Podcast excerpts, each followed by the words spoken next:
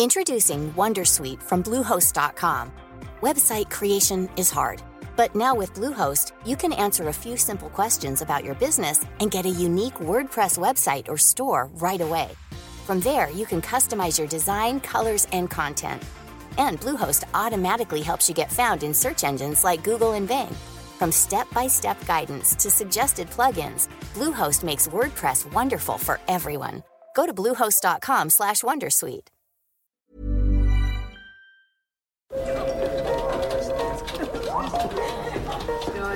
Dette er lyden av norsk næringsliv. Akkurat nå tas det små og store valg som kan bli avgjørende for fremtiden. Med økonomisystemet X-Leger tas disse beslutningene basert på informasjon i sanntid, slik at drømmer og ambisjoner kan bli virkelighet. Få kontroll og oversikt, gå inn på xledger.no. Denne sendingen er sponset av Xleger.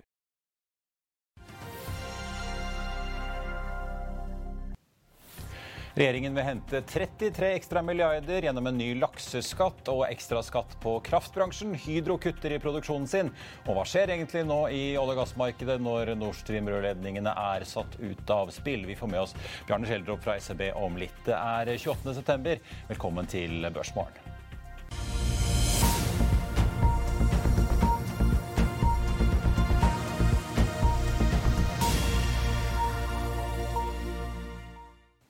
En riktig god morgen og velkommen til oss i Finansavisen. Det er altså sånn at eh, Jonas Gahr Støre og Trygve Slagsvold Vedum for under en halvtime siden har lagt frem nye skatteplaner. Det skal vi høre mer om straks. Men først litt om markedet. Etter to dager med oppgang og en avslutning i går på hovedindeksen på 0,97% i pluss, så venter DNB Markets en nedgang på 1 fra åpning i dag. Nordnetts Roger Berntsen ligger inne med et uh, forventet fall på 0,7 på OBX-en. Det skjer etter en litt eh, blandet Wall Street i går, der Nasdaq endte opp 0,25% mens Dow Jones og SMP endte ned henholdsvis 0,4 og 0,2 i Asia.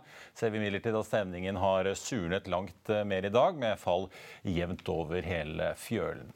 Nordsjøoljen ligger på 85 dollar nå, ned 0,75 Den amerikanske rettoljen VTI er ned det samme til 77,40. Og så tenkte jeg bare kjapt å ta med et par analytikeroppdateringer. Det med Markets oppgraderer anbefalingen på Sats nå fra salg til hold. Og nedjusterer samtidig kursmålet fra 10 til 7 kroner. Den aksjen endte jo i går på 7,30, ned da 65% i år. Og det er jo ikke så lenge til konsernsjef Sondre Gravir skal invitere til kapitalmarkedsdag på Sats på Bislett i Oslo. Eh, så må vi jo snakke litt om DNB, som var på forsiden av Finansavisen i dag. Analytikerne spår en ny runde med tapsavsetninger fra den norske storbanken, delvis da pga. eksponeringen mot næringseiendom, der prisene nå faller. Vi har sett Norges Bank anslå at prisene kan falle med 20% Handelsbanken var ute her i forrige uke og ventet et fall på potensielt av 25 Arctic Securities de nedjusterer kursmålet sitt på DNB fra 220 til 215 kroner i dag og gjentar sin kjøpsanbefaling. Så får vi også ta med at SEB nedjusterer kursmålet på Nordic Semiconductor fra 290 til 260 kroner, men gjentar kjøp. Den aksjen ble sist omsatt for 142,10. Det er omtrent en halvering da så langt i året. Den aksjen Nordic Semi også fikk seg et lite løft hadde vist seg når man fant frem skrutrekkeren at, uh, og banket opp disse AirPods Pro-ene som akkurat har kommet fra Apple, at uh, det ligger noen brikker fra norske Nordic Semi da, inni disse øreproppene og ladeboksen. Mer skatt, ja det var det Jonas eh, Gahr Støre og Trygve Slagsvold Vedum også kunne fortelle om da de hadde invitert til pressetreff på morgenkvisten på Blåfarveverket. Regjeringen foreslår også en såkalt grunnrenteskatt på havbruk, populært kalt lakseskatt.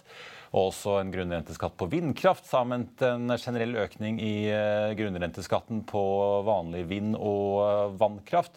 Og en ekstraavgift på vannkraft grunnet de svært høye strømprisene om dagen. Og totalt så beregner da regjeringen og Finansdepartementet at dette skal gi rundt 33 milliarder kroner ekstra inn i kassen.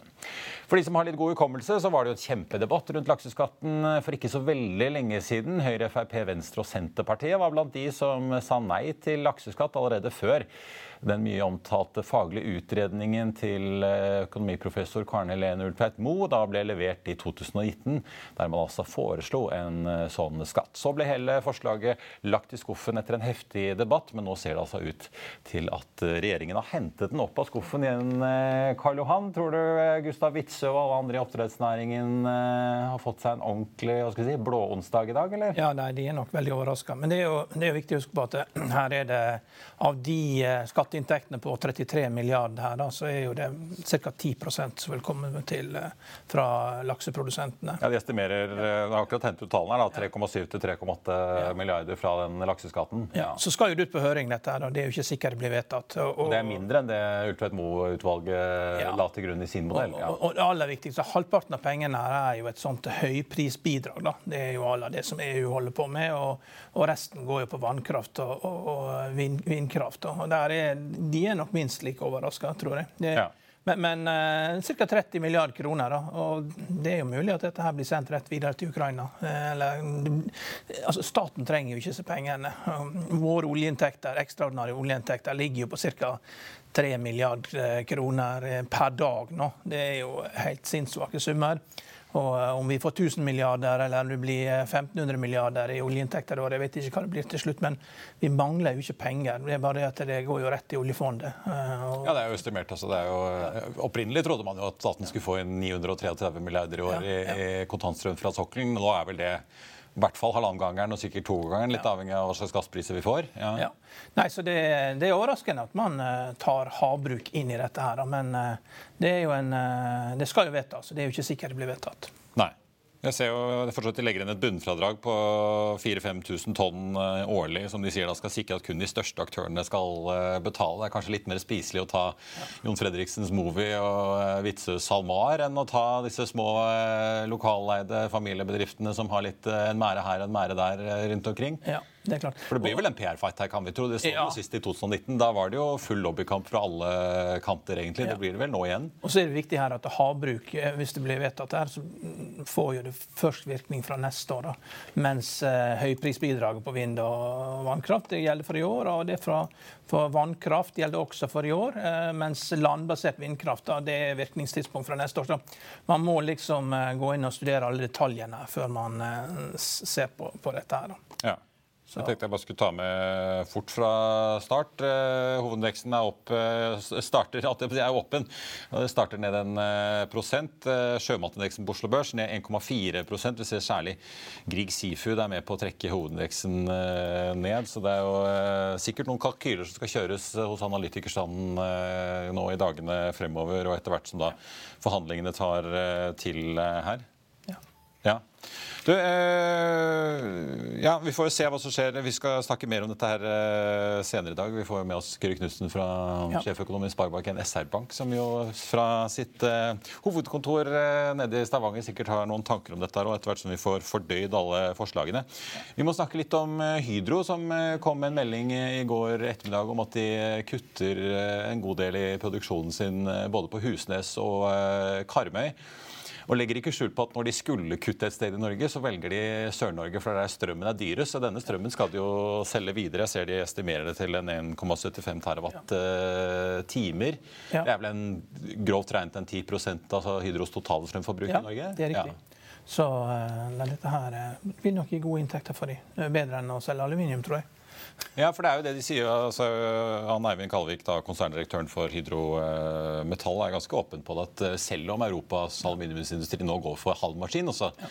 ned på 50% så er det fortsatt sånn at det hoper seg opp aluminium på lagrene, og, og, de må ta tiltak, som de sier. da. Det er vel et tegn på at her eh, bremser det? Ja, det er klart det. Det, det bremser, og det ser vi jo overalt her nå. Så det, det, det kommer jo til å hagle med profit warning. Så vi har jo fått en i, i natt mens folk sover. Apple har jo guida ned veksten sin. Da. De produserte 90 millioner iPhoner i, uh, i, i fjor, og, og, skulle planla å produsere 96 millioner, øke med 6 millioner. Og det ser ikke ut til å skje da, eller fra neste år. Og, og, og eh, det, det, vil nok få konsekvenser for Apple-kursen når Amerika våkner. Da, for det er jo eh, Det er jo virkelig altså, Vi er ikke noe, men de har, de har Apple på, på børsen, altså. Nasdaq, Nasdaq Futures var ned med 1,3% i natt uh, på dette. her, og Jeg syns det var veldig rart at de ikke var plukka opp av nyhetene jeg kom på jobb her i dag, da, men vi har jo satt i gang folk til å uh, For det ligger jo på Bloomberg. Ja, ja. ja. Så folk må, uh, må sove litt mindre. Jobbe mer og sove mindre. Jeg tenkte jeg bare skulle nevne det når vi først er på Hydro. da, det er snakk om 110 000-130 000 tonn som da skal tas ut innen utgangen av året. Det kommer jo da på toppen av varselet om nedstenging i altså De kuttet jo all produksjon i Slovakia på Slovalko i, så sent som i august. Så I tillegg så har det vært litt endringer i, eh, i ledelsen i Hydro også. Trond Olaf Kristoffersen kommer inn som konserndirektør for uh, forretningsutvikling, erstatter Helene Nonka. Og så blir også Therese Rødholm da løftet opp uh, på kommunikasjon til konsernledelsen hos Hilde Merete Aasheim. Før vi går til reklame og tar med dagens gjest, vi må også innom uh, seismikk. PGS melder om sin første multiklientrunde siden 2021 i Vest-Afrika. Ja, men dette er en grønn nyhet. Dette er resirkulering. Det var med i investorpresentasjonen i september. Så nå, Godt observert. Ja, nå har Den lå i ordreboken fra før, med ja, litt ekstraskryt på morgenkvisten fra PGS. Kanskje? Ja, nei, det, kanskje, de, kanskje, de, har lyst og behov for å Kanskje de, de skal hente penger. Da trenger de å ha friske nyheter og minne folk på at det foregår ting. Ja, veldig bra. Jeg tenkte, Da skal vi egentlig gå eh, videre. Jeg tenkte jeg må ta med det. Hovedveksten på Oslo Børs nå ned 1,8% Ganske saftig med en oljepris ned da nesten prosenten til 84,90. Og så er det jo da disse famøse sjømataksjene. da, Den sjømatindeksen på Oslo Børs eh, den får seg nå ned 5,5% Særlig drevet av Grieg Seafood, som er ned 13,5 eh, Vi er straks tilbake rett etter dette. La oss i Finansavisen hjelpe deg med å holde deg oppdatert på alt som skjer i finans og næringsliv. Hver morgen er jeg, Marius Lorentzen, og aksjekommentator Karl Johan Målnes på plass i studio for å ta tempen på dagens marked i Børsmorgen. På ettermiddagen oppsummerer vi alt du trenger å vite i økonominyhetene, og så får vi selvfølgelig besøk av masse interessante gjester. Du finner oss på fa.no-tv, eller ved å søke opp Børsmorgen og Økonominyhetene der du hører på podkast. Velkommen tilbake. Vi skal snakke mer om disse lakseaksjene som klapper sammen på børsen om ikke så lenge, men vi må jo snakke om hva som skjer i Østersjøen eh, også, får vi si. Med oss nå har vi Bjarne Schjelderup, analysesjef for råvarer i eh, SEB. Du Bjarne, jeg vet ikke, Har du rukket å kverne over eh, noen av overskriftene på hva denne nye skattepakken fra regjeringen betyr for kraftbransjen, eller litt ille ennå? Nei, jeg, har ikke sett så nøye på det, så jeg har ikke så mye kommentarer der. Men, men dette det er jo noe som skjer over hele Europa hvor de skal prøve å hente inn igjen eh, høyprofitt fra kraftselskapene som produserer elektrisitet via kjernekraft, eh, vannkraft, vindkraft, sol, og så redistribuere eh, disse ekstrainntektene til konsumenter og industri, er vel liksom tanken. Ja, Det gir vel ikke den store forutsigbarheten for de som skal planlegge hva de skal ha produksjon om 5, 10 og 15 år, kanskje? Nei, men det er klart at, at de som, men, men, Problemet her er jo de som eventuelt, produsentene som eventuelt har solgt kraften sin til faste priser. De får jo ikke denne ekstreme inntekten. Så, så det er jo et, et vanskelig puslespill, dette her. La oss kaste oss over eh, det som skjer i eh, Østersjøen. Veldig fint at du er med oss, for du eh, følger jo virkelig med på dette her. Nå er det jo da oppdaget tre lekkasjer, og det virker som alle myndighetene rundt Østersjøen er skjønt enige om at dette var ikke noe uhell. Vi så gassprisene stige en pluss-minus 10% i hvert fall så jeg i går på da nyheten om at to rørledninger som strengt tatt ikke er i bruk, da er satt ut av spill. Men ta litt først, hvilke markedsreaksjoner er det du ser ut fra, fra det som har skjedd? Nei, Det er som du sier, altså det er ikke noe gass som går på disse ledningene per i dag eh, før eksplosjonen. så Sånn sett så, så fører ikke noe mindre gass umiddelbart. Men ikke desto mindre så gikk jo eh, førstemånedskontrakten på gass i, i Nederland opp eh, med nesten 20 i går. Til eh, en ekvivalent på, på, 350 dollar per fat oljeekvivalent, som jo er astronomisk mye. Og en av grunnene til at Norge tjener vanvittig mye penger for tiden på denne skyhøye naturgassprisen. Um, så, så at markedsreaksjonen er jo at at her er det risiko for at det skjer noe mer. Det er det markedsreaksjonen er. og Det er vanskelig å ikke tenke at dette er Russland som står bak dette her, som en markering snarere enn noe annet. Og, og samtidig så før denne eksplosjonen så var vel kanskje markedsantakelsen at det var kanskje bare 1 sannsynlighet for at det kom gass på Nord Stream 1 før jul, og nå er det null. Så liksom, Det er bare ruled out at det i det hele tatt kommer gass her. Men, men, dette sammenfaller jo da også med åpningen av Baltic Pipe, som det er en forlengelse eller en avgrening av Europipe 2 fra Nordsjøen um, og til Polen. Og dette er jo da rett ved det var Bornholm disse her lekkasjene ble, ble oppdaget. Eh, ja, De krysser hverandre. Er omtrent, eh, det er ikke langt unna ja, eksplosjonsstedet, altså. Ja. ja. Så, så, at eh, som vår, vår emerging market og geopolitisk strateg kommenterte at liksom, dette bringer jo Vest-Europa ett skritt nærmere krigen, selv om det er veldig mange steg igjen.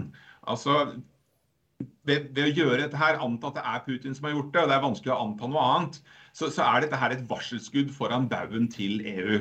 Ikke sant? Og si at se her, dere er utrolig sårbare. Dere skal ikke sove eh, trygt. Eh, dere bør ikke sove trygt fordi at dere er ekstremt sårbare. Og hvis denne konflikten tilspisser seg videre, så er det ikke noe problem for Russland å kutte gassstrømmen fra Eh, Nordsjøen til Europa. Og, og, i perspektiv da, så eksporterer jo normalt, eller I 2019 da, eksporterte Russland eh, 1900 TWh per år til EU og UK. Um, og, og, Norge eksporterer sånn ca. 1200 TWh, 1300 TWh Eh, med gass til Europa. Så det er klart at det er eh, veldig viktig og store volumer som Norge forsyner Europa med i dag. Og Det ble jo nettopp oppdaget også noen noe uidentifiserte droner over noen oljeplattformer i Nordsjøen også. Ikke sant? Sånn at Russland ønsker jo egentlig at Europa, Vest-Europa skal back off i konflikten med Ukraina og ikke sende mer våpen. Men det kommer jo ikke til å skje. Så at eh, konflikten fortsetter å tilspisse, tilspisse seg her. Men jeg husker jo, altså den der eh, Nord Stream 2 var jo en het potet mellom USA og Europa altså lenge før krigen. Og i hvert fall eh, da russerne begynte å trappe opp og invaderte. Jeg husker jo Joe Biden sa at eh, den der Nord Stream 2 den skal ikke ferdigstilles. Og så ble han spurt liksom, ja, hvordan skal du gjøre det. I will make it happen, sa han med et smil. ikke sant? Er, altså, er det mulig at det kan det faktisk være amerikanerne som uh, sier takk for sist til russerne og permanent da ødelegger den rørledningen så at det aldri kommer noe mer gass fra Russland til Tyskland? Svært lite trolig. Altså CIA var jo ute og, og, advarte mot hvor utrolig sårbar gass- og oljenettverket og IT-nettverket med fiberkabler er i Europa. Og at det er ingen beskyttelse i det hele tatt. Så altså, De har jo vært ute og varslet om dette her for noen måneder siden. Um, så, altså, det ville jo være utenkelig at amerikanerne gjorde dette her. Ehm, og Det sammenfaller jo da selvsagt da med åpningen av Baltic Pipe eh, til Polen. Så, så, dette er et varselskudd. sånn så Jeg kan ikke se det som noe annet enn et varselskudd. Jeg tror ikke noen annen, andre i energimarkedet ser på, noe, på, på noen annen måte heller. Og, og, Så blir jo da bekymringen når vi ser liksom hvor aggressive Russland er her nå i denne konflikten. Eh, så øker jo da risikoen for at vi faktisk da også taper gassflyten gjennom Ukraina. Og Det er kanskje den største trusselen og, og, og, og sannsynligheten sånn i første rekke, snarere enn at det blir eh, eksplosjoner også på rørledningene fra, fra Nordsjøen til Europa. Det som da er mest sårbart, er jo da kanskje gassen fra Ukraina til Europa. Ja, men si litt om det. Altså, nå er det en voldsom inntjening fra aktørene på norsk sokkel. Eh, og De sikkerhetspolitiske varsellampene blinker vel eh, både i Washington, og Brussel og London overalt eh, både i dag og i går. Men noe, ser du noe reell fare for at kan måte infrastrukturen fra Norge og nedover bli sabotert og ødelagt? Som jo selvfølgelig selvfølgelig være en krise for Europa, men også være en krise for mange av disse selskapene som jo er helt avhengig av dette her nå? Altså Det denne sabotasjen eh, sier, da, det er at dette kan skje. Den påminner markedet, den påminner Mest-Europa om dette kan skje. Så, så, det er jo det markedet en, til en viss grad priser inn her. Redselen for at det kan skje for kommende vinter. Um, men min hypotese har jo vært at, at, Russland har ikke lyst til å kjøre gasseksporten til null. For de skal jo også tjene penger. Så det er liksom to motivasjoner som Russland har. Det ene er på en måte å holde Vest-Europa i et jerngrep når det gjelder energisituasjonen. Eh, og det andre er at de også vil ha en inntekt. Og, per i dag så tjener de jo masse penger fordi de eksporterer litt fortsatt. Selv om det er ned liksom 80% fra normalen.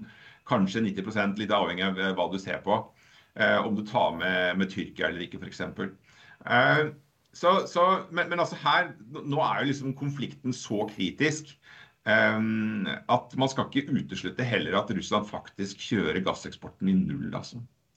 Det er jo litt selvmotsigende liksom... egen interesse, Karl Johan, tror du ikke det? Egentlig? Jo, men... Skulle tro at de ville stenge røret, men fortsatt ha det på en måte åpent og ikke ødelagt? Det er ikke lett å bli klok på Russland. Nei. Det er ikke det. Du, eh, Bjarne, hva tror du sånn om, om prisene? har vi jo sett eh, både gassprisene falle en del før dette her, og også oljeprisen eh, ligger jo nå på en 84-85 eh, dollar fatet for brenten nordsjøoljen. Bidrar dette her til at vi får et slags eh, gulv på prisen, eller hva tror du? Det er vanskelig å si. Altså, det makroøkonomiske bildet er jo nå ekstremt eh, negativt. Så Det er klart at det er jo det som driver og trekker oljeprisen ned hele tiden. Samtidig så, så vi jo også nyheter i går om at Russland foreslår at OPEC skal kutte eh, produksjonen med en million fat når de møtes eh, 5.10 neste uke i, i Wien. Og, og, Det har jo vært mitt argument hele tiden, at OPEC kommer til å kutte. Og, og ikke minst fordi Saudi-Arabia produserer 11 millioner fat per dag for øyeblikket. og jo, De har jo aldri produsert så mye mer enn to ganger i historien, i 2018 og 2020. og Da holdt de produksjonen der bare én eller to måneder. Så at dette er over bæreevnen til, til Saudi-Arabia over tid, tror jeg. Så at Saudi-Arabia ønsker nok å komme ned i produksjonen kanskje mot 10-10,5 millioner fat. Så Saudi-Arabia er nok åpen for å kutte, og det så vi også på det siste møtet. At er, her er det åpning for å kutte. Og Så blir det en sånn der vanskelig balansegang mellom at midterm election i USA er 8.11. Så de har ikke lyst til å gå liksom rett imot uh, mot uh, Biden og USA heller. Så det blir en sånn litt sånn gyllen middelvei. Men, men, jeg tror de kommer til å signalisere at her blir det mer kutt. Uh, og det blir noe kutt på neste møte. Om det blir en hel million fat eller ikke, det burde de nok gjøre. Men så må man huske på det at også disse capene, det er ikke en forpliktelse til å produsere på capen. Det er en tillatelse til å produsere opp til capen. Sånn at det står jo Saudi-Arabia fritt å redusere produksjonen til 10-5 og si at ja, dette er liksom en mer komfortabel produksjon. Det er ingen som kan anklage dem for å liksom bryte en avtale av den grunn. Så, så, jeg tror at vi kommer til å se mindre produksjon fra OPEC. Og, og, så er det naturlig å tenke seg også at med de mørke skyene som er på makrohimmelen nå, så, så kommer skiferoljeprodusentene eh, til å, å, å, å trekke litt i bremsen også. Eh, selv om vi ser eh, at, at gasseventyret i USA er jo ellevilt for tiden. Eh, med høye priser og, planer om, om, stor økning i eksporten. Så, sånn at skifer, Oljeprodusentene har jo gått i vifta et par ganger nå. sånn at De er jo ikke så kine på kanskje å, å akselerere inn i en potensiell nedtur eh, på oljeprisen. Men, men altså, vi har jo sett at også at rykter om at USA skal begynne å kjøpe tilbake olje på, på 80 dollar. Det de nå har liksom solgt ut i markedet fra strategiske petroleumslager. Og det gir mye mening i at de gjør det. fordi at da sørger de for at du får en mer stabil produksjonssituasjon i eh, skiferoljeproduksjonen i USA. Så, så, jeg tenker at det makes a lot of sense at USA burde gjøre det, snarere enn å la oljeprisen eh, falle ned til 50 og så få enda en setback i skiferoljesegmentet. Det er jo ingen som er tjent med det. Så vi skal ha, holdt på å si, Joe vil ha billig bensin, men ikke så billig bensin i USA, kanskje? Ja, nei, men altså, Vi ser jo også at premien for bensin over råolje har jo kollapset fra type 30 dollar i sommer til nå bare 5 dollar. Så, og I tillegg så har oljeprisen i seg selv falt fra 125 dollar til nå 85 dollar. Så, at, så det er klart at bensinen i USA har jo falt kraftig. Så det er jo en lettelse for amerikanske konsumenter eh, i oppløpet til midterm election. Eh, så ja, Det blir en spennende høst, det er ikke tvil om det. Men, men altså, vi tror at vi kommer til å miste mye mer olje fra Russland eh, når vi kommer til sanksjonene 5.12. Og så nye sanksjoner for oljeprodukter eh, 5.2. Eh, og det er klart at, at, Europa er jo veldig avhengig av dieselimport fra Russland. Og, og vi har da altså i, i dag lager på diesel som er veldig lave. Altså det, I Europa så er de laveste diesellagrene på 14 år. Så vi får en ekstrem situasjon, og vi løper nå inn mot vinteren. Det som er et, et pluss her, er jo at hvis du ser på temperaturvarslene for fjerde kvartal i Vest-Europa og USA, så er det varslet at det skal være betydelig varmere enn normalt.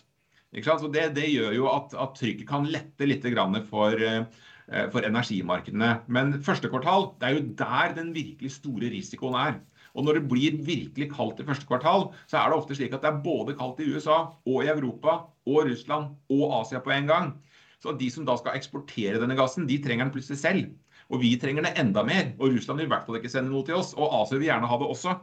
Så det er jo disse her outlayers av dårlige vintre som man er veldig, veldig bekymret for. Mens antageligvis hvis det blir en gjennomsnittsvinter, så, så burde vi klare dette her uh, rimelig uh, OK. Kort til slutt, Bjarne. Hvor lenge kan Aker BP, Vår Energi og Equinor regne med at uh, Nord Stream 1 og 2 rent sånn infrastrukturmessig er ute av spillet? Jeg tror aldri de kommer tilbake. Ja. Takk for den, Bjarne. Vi skal følge med mye som skjer. Eh, på Oslo Børs nå, hovedeksten er 3,4% Vi ser at eh, lakseaksjene rett og slett klapper sammen, eh, sannsynligvis da på nyheten om lakseskatten. Vi skal se mer på det straks. Vi er tilbake rett, rett etter dette. Bokhandlere i hele Norges land, wake up! Aksjer handler ikke bare om lommeboken, men også om fremtiden og verden rundt oss. Vi drømmer alle om å bli rike i en fei. Er det ikke da bare å kjøpe og selge aksjer, Roger? Kjøpe og aldri selge. Husk, de beste pengene som investor de tjener du når du sover. Og hvis du, aksje, hvis du selger aksjer før du legger deg til å sove, ja, ja, så blir du ikke rik over tid. Det er min påstand. Aksjeskolen, levert av Finansavisen av Roger Berntsen og Alex Rosén.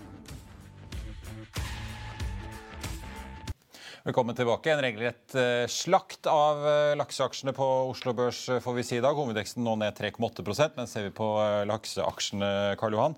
Sjømatindeksen på Oslo Børs nå ned 13% Grieg Seafood 15 Austevoll 12 Movi 15% eller Matching Hot, for den faller så mye. SalMar også pauset av sikringen, ser jeg nå. Ned 20,7 før de rakk å ta sikringen. Det er kraftig kost. Ja, dette er panikk. Det er panikk. Og, og det er klart det kommer på slutten av en av de siste dagene i et kvartal, og folk skal ha performance, og har du lakseaksjer, så får du dårlig performance hvis du har for mye av det.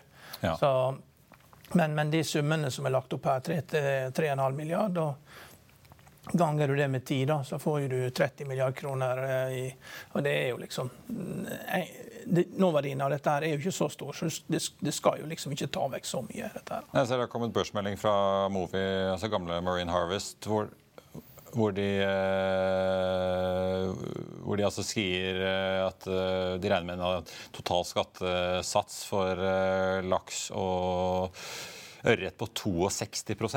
Ja, men det, det, er klart, nå begynner, nå begynner, kampen om dette. og det er jo ikke sikkert det blir vedtatt. Ja. Ja, de understreker jo børsmeldinga at dette må godkjennes av Stortinget. Ja, ja. Så det er, det er, eh, og, og, det kan jo en del bli utvanna også. Og, altså, Lakseoppdretterne sliter jo, det er jo en veldig tøff business. Jeg kan ikke se liksom, at det skal ha det samme som vindkraft. Og, altså, de må jo virkelig jobbe for dette. Det er OK at man har en, en viss skatt, men eh, det bør jo ikke være for mye. Det er jo steinhard jobbing. Har tatt masse risiko. og holdt på med dette i 50 år. Det kan ikke sammenlignes med vindkraft og vannkraft. Så hvis jeg var lakseoppdretter, så ville jeg hatt god tro på at jeg har god kort til å, til å få dette her ned. Jeg ser uh, fått Pareto. Jeg må nesten bare ta det på mobilen, for jeg har det litt kjapt her. Eh, Pareto ute med en oppdatering hvor de anslår da, at resultat per aksje for Movi, SalMar, Lerøy og Grieg vil nedjusteres med en 15-30 etter regjeringens forslag om grunnrenteskatt. Altså. Og at den kortsiktige effekten trolig vil være størst for uh, SalMar, som følge av den relativt høye andelen av uh, overskuddet da kommer fra lakseoppdrett i Norge. Movi har jo Skottland og Canada er det vel, og mange ja. ulike land. som de Eh, få en litt sånn utvanning sånn sett.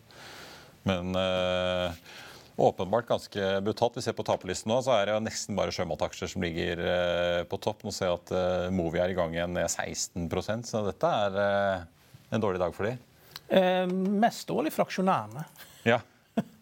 så der er det nok ganske mange heite hoder nå, ja. Og, det er godt gjort hvis de har klart å holde dette hemmelig. og Det virker jo ikke som at det har vært noe lekkasje her. De har klart å det har jo vært spekulert i de siste dagene. Når de begynte å snakke om hvor tøft statsbudsjettet kom, så har de jo spekulert i at kanskje de henter denne lakseskatten opp av skuffen igjen. Ja, men det er en ting å tenke på. det. Du hadde sett det på kursene hvis, det, hvis det hadde vært mer realisme i det. Men det, dette er en overraskelse. Ja.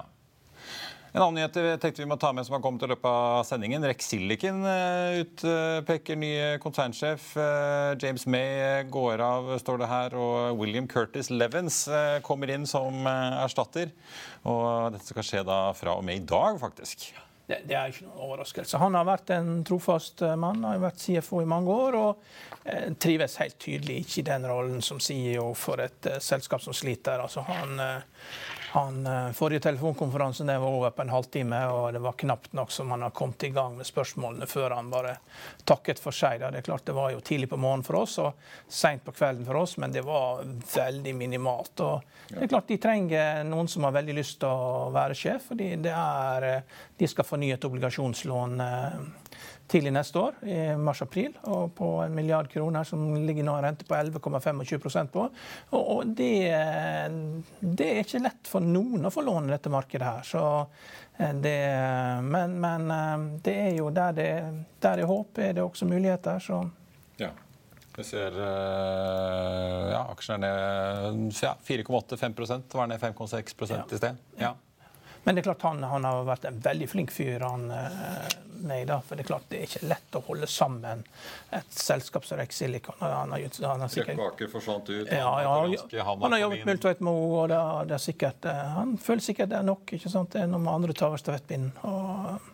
Litt av en reise. Og, men CFO, da. ikke sant? Det er det som har vært hans rolle. Vanskelig å bli CEO da, i et, et selskap som sliter. Bra noen holder uh, ja. styr på finansene, som det heter. Uh, hovedveksten på Oslo Børs nå ned fortsatt 3,7 uh, altså. Oljeprisen legger, ned nå 1,7 til 84,25. Vi ser også rundt oss i Europa relativt rødt, selv om da Oslo Børs åpenbart får en ekstra stor smell Eh, da på fallet av alle lakseaksjene. DAX i Tyskland ned 1,7 UK 100 ned 2 og Ser også rundt oss i Norden, så er de fleste indeksene ned en, rundt 1,4 eh, jevnt over uh, fjølen. Ellers på listen over de mest omsatte så er vi Equinor og Aker BP. Aker BP ned 4,5% Equinor ned 1,4 Så har vi da Rexilicen da, som snuser på ja, nå er den ned 5,5 også Hydro faller 6,4% etter denne nyheten om produksjonskutt. Ja. Men det, det, vi må jo legge til her at det er klart vi får ikke noe hjelp av USA her. Normalt sett så skal jo børsene stige fram mot månedsslutt og kvartalsslutt. Og nå kommer Apple med sin eh, nedgradering av produksjonsvolumene. Nasdaq Future ned med 1,3% så det er ikke sikkert du får noe hjelp derfra. Og profit-warningen kommer jo til å hagle inn eh, de neste ukene. Mm. Uh, nedgradering, og jeg har vel aldri sett analytikere være så bakpå med estimatene som de er nå. Så, eh, og Blir det nedgangskonjunktur, så vet vi at resultatene typisk faller et mellom sånn 40 og 55 avhengig av hvor sterk nedgangskonjunkturen er. Og Da kan man liksom glemme å drive og snakke om P på gamle tall, liksom 15, 16 og 17, for det ørningstallene er feil. Uh, og du ser jo rentene går opp. ikke sant? Det er 4 på tiåringen.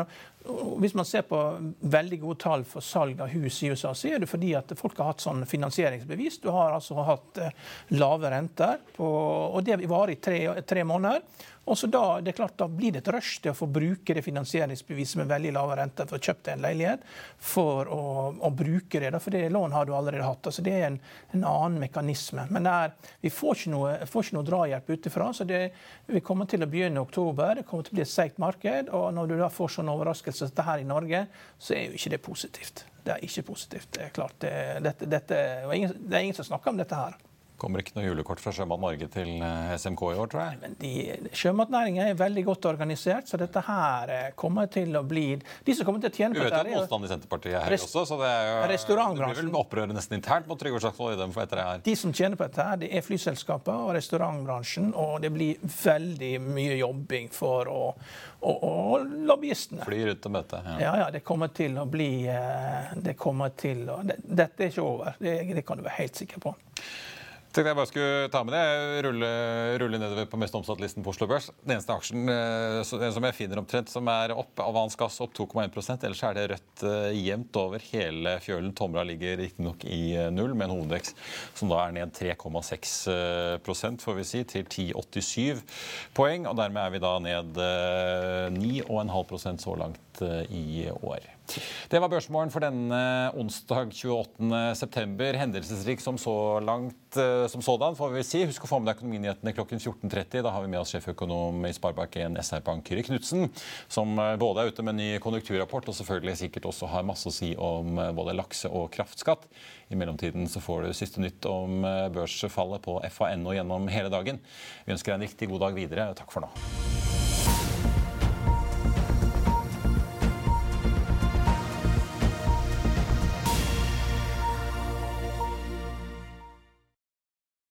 Denne sendingen er sponset av Xleger. Økonominyhetene er en podkast og videoproduksjon fra Finansavisen. Programleder er Marius Lorentzen. Aksjekommentator er Karl Johan Molnes. Produsent er Bashar Johar. Podkast- og videoansvarlig er Marius Mørk Larsen. Og ansvarlig redaktør er Trygve Hegnar.